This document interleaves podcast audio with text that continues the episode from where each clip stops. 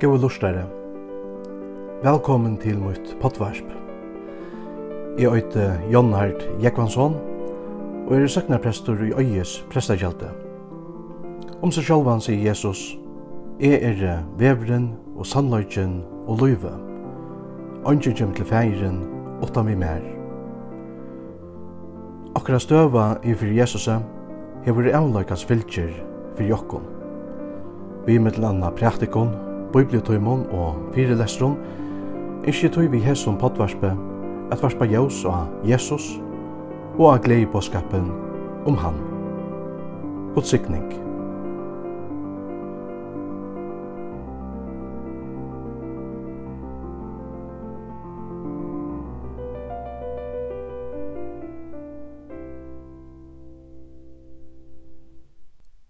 Tøyt år er a lykt fyrir fautumøynon, eit jós av gøttu minne.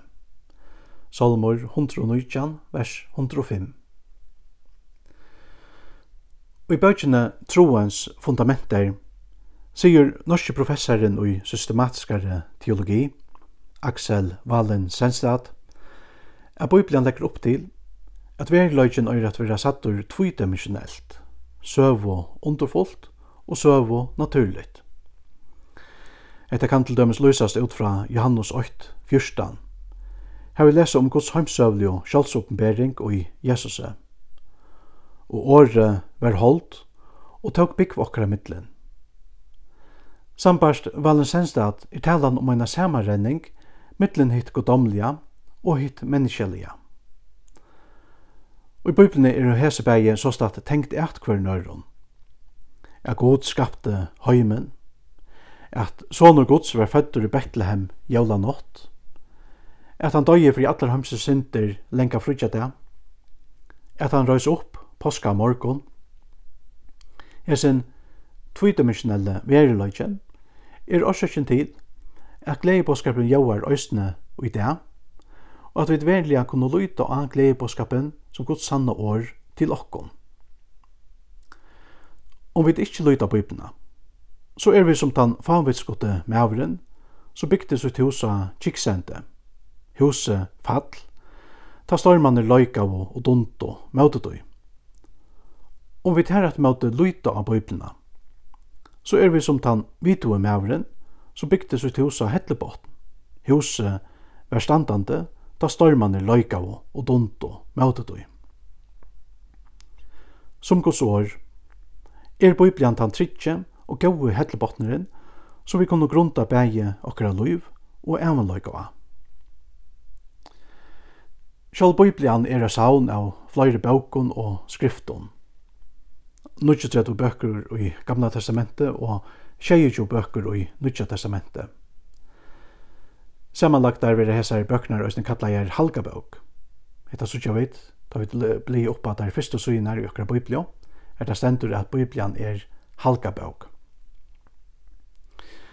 Bibelen ber okkom på om syndafallet og i Eden, og hvordan god og synne nøye, i holdt vi a bjerga mannattene fra satan, synd og glættan.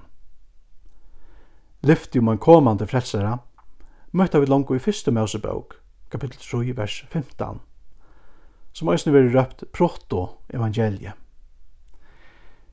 Her sier god vi slankna og i Eden, og vi setter fjandskap mittlen te og konna mittlen avkom dutt og avkom hennara. Ta skal morla høver dutt, og du skal byta ta og i handen. Vi Jesus morlar god djevenses makt.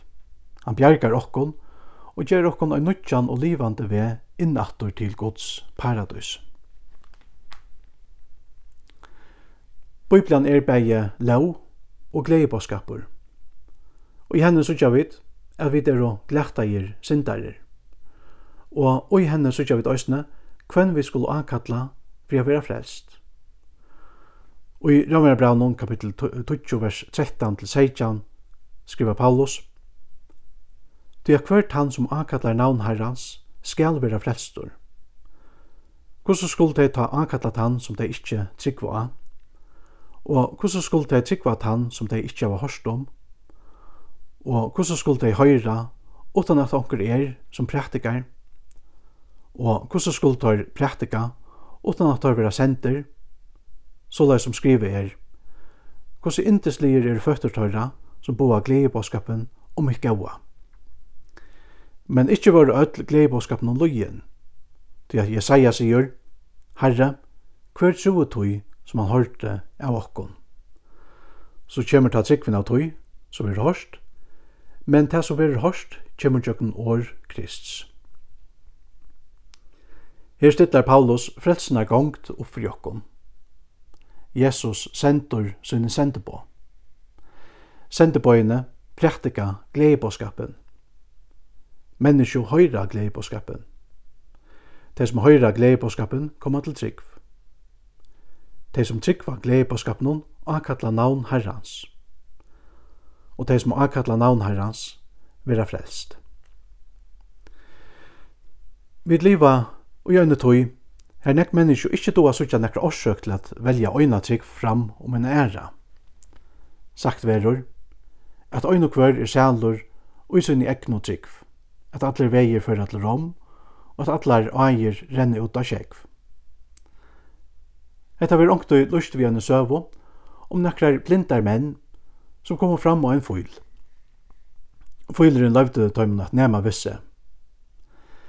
Hetta djåret er lengt og klant som er slanka, sier det første blinde maveren, men han nærm vi snapplen tja fylen. Nei, alls ikkje. Det er tjukt og rundt som et tre, sier det neste blinde maveren, men han nærm vi bøyne tja fylen. Nei, det er størst og slagt, sier den tredje blinde maveren, medan han vi sugina tja fylnon. Da blinde menner kunde øynast nema vi ein parst av fylinon. Øynsin kunde uimynda seg atlan fylen. Somleis verur heimsins atjónaur og sinne samanborren vi imiska sugir av som og søk. Lykka som da blinde menner ikkje dotto at uimynda seg atlan fylen, så er sver heimsins atjónaur heldur ikkje seg atlan sannleikan, vi sagt men søvan møtsigur seg sjálvari. Til að frásøvumævren er jo ikkje blindur. Hvordan kanst du vita at de blinde mennir øynans kunne umynda seg en parst av fylen om du ikkje sjálfur det vera føran for jeg sutja atlan fylen? Relativisma gjør seg sjálfa relativa. Monkur sigur, ongen trygg kan gjøre seg galdande som endalian sannløyka fri öll, så kan hekta visast aftur i spurningsnån Og Jan, er hekta så en endalir sannløyge fyrir öll? Det løyser seg ikke gøyma seg etter fyrir åringsina til å gjørligt å kjenne sannløygan. Hætt møte må vi halte av vi å spyrja etter hver løysing av gode, mannaatne og andalige verleganon er sånn og hver er falsk. Og så må vi grunda okra liv og asvære så vi fåa. Fotnefrøyen er fer etter fer stafest at bøyblan er en gau og søvlig kjelta. Kjente skotske fotnefrøyingren Sir William Mitchell Ramsey før til dømes av en affær til fløyre av tøymon boinon som vera nevnter i apostlasøvne. Vi støy i fotnefrøyene vil han avsanna trovire tja lukkase som søvfrøying. Men at han affærina måtte Sir Ramsey korsni avsanna at Lukas er den mest anlydande søvrøyngren i fotnaldene. Så en Bibelen er eit grundleggjande anlydande søvlig sjæl, så nøytest ein heldur ikkje skrua høtti av for å lyta av Bibelna. Vi fotlån anlyti av Bibelna, kom vi døsne takka under vi norska presten og professoren i kyrkjesøvå, Karl Fredrik Wisløf, ta han legger denta at vi som kristen kunne sija, at vi kjenner sannløykan om god. Her er altså ikke tala noen fløyre veier til god. Det er bare øynvever, Jesus. Og så igjen annar atrunaver ikkje pøykar av Jesus som frelsar av heimsins, må han sambars bøyblene råknas fyrir å være en vever eller veier som ikkje løyer menneskje til god, men som løyer menneskje bostor fra gode. Og i fyrre kongabøk, kapitel 18, vers 20 til 4. lesa vi om eina hending som lyser fyrir okkon hva ta høyla velja snur seg om, ta okkara god og imiskir ærer godar, vil ha stilla er oppe mot hver, hver. Elia profetor var einsamallur i måte 400 og halvtrus bals profeton. Men sannløyken er korsen ikkje alltid her som fjölden er. Hetta kom òsne til kjøntar, Ta godarøyndin av Karmel var lio, og god hei oppenbera seg som ta øyna og sanna god, i fyrir öllum tøymon mongo og menneskjon, så fyldu avgodin om bal. Elia hei øyt altar til herran. Bals profetan er høtt og tørre altar. Elia råpaði av herran. Bals profetan er råpa av bal. Det var bare øyn som sværa Og det verður òsni alltid bare ein som sverar, til at det er bare øyn god. Så er spurningren, om vi råpa av hinn øyna og sanna god, etla om vi råpa ut i tøma luft. Hetta er sin tæ sum Biblian hjálpar okkum við. Um vísir okkum kvønn vi skulu råpa av. Så vi leser i Apostlesøvne 2, vers 1 og det skal vera at hvert han som ankallar navn herrans skal vera fredstor. Under trúbótene arbeidde Luther og hans rann vi hans folk mittel andan vi spurningen om bøyplenar myndløyga. Tara slæor var skriften aløyna. Vi tar med døven var det såleis at folk kunne rinda pening til hina romversk katolsku kyrkina vi å sleppa undan rønsingar eldnå. Men Luther sa at dette altså ikke samsvarer vi bøyplenar lærro katolske og godfrøyngarnir understrykka av korsene at Luther skulle bøtja seg fyrir pavanon og hans er rette til at allusa trunna. Sambarst Høymon var Bibelen sera tropol er skilja, og tog var, var ein øsne bunden at kyrknar og pavans utlegging av Bibelene. Det er inn og i hendan er at slæore jauar, skriften aløyna, ikkje skriften paven og kyrkjan, men skriften aløyna. Fyrir trubadafeltje var Bibelen så statt han avgjerande myndløgjen, vivudjande trygg og læro. Og i øynon jottane rite sier tøyr mitt landa såleis. Vit tryggva, læra og jotta, at øynasta reglan og rattesnøren som öll læra og allir lærarar skulle røynast og dømast etter, er å ta profetisko og apostolske skriftene i Gamla testamentet og Nutja testamentet. Luther sier høysene, og i kyrkene skulle atler andar røynast ved skriftene som dømere. Mittlen kristen er det nemlig hekta, som tørvur er av framom alt anna. At det stendur treitalest fast, at det høyla av skriftene er og et andalit ljós, som er nekv bjerstare enn solen sjolv. Biblian hever den andaliga og den endaliga myndløykan og kyrkene sambart Luther. Alt skal røynast i jausnum fra skriftene. Men to, ver to verande og i tog som to lærst, og som to er svaren samført om. Vi tar at du varst av kvarjon, du er lærsta, og vi tar at du fra bandsbøyne kjenner hinnar høyla og skriftnar, som kunne gjøre til vysan til fredso vi trunne av Krist Jesus. Ein og hver goden blasen skrift er røysene nyttelig til lærdoms, til ianar, til rattløyngar, til oppveiningar og rattvise, for at godsmenneskan kan være albegven fullført til åkt og kvørst godt versk. 17. til Mossebrau, kapittel 3, vers 14 til 16. 17. til Mossebrau er etter øtlanda døma hitt sørsta brevet som Paulus skriva i, Arne han blei tidsin av døvun vegna sina kristna trygg. Det er mest sannlukt er brevet blei skriva medan Paulus var fangslaver i Rom om lai år 4-5. Brevet er sera personligt, nekka som ein òsne kavanta, da talan er om hissursta brevet til en gauan vin og starvsfelleia. Paulus han veit at degen er nær. Hetta søgja við tøysni við til sama brævnum, i kapítil 4 vers 6 og 6, her han skriver: Til nu er komið at tørre stund at eg veri offraur, og tøyin er komin at eg feri av stað. Eg havi strukt et gaua strøye, havi fullrunde skøye, havi varvart trunna.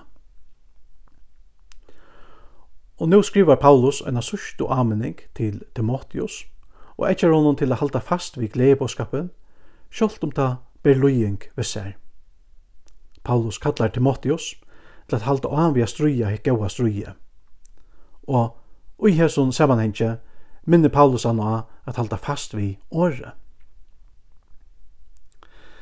Tja Paulus lesa vid at talan er om høylegar skrifter som er og innblåstar av sjálfum gode.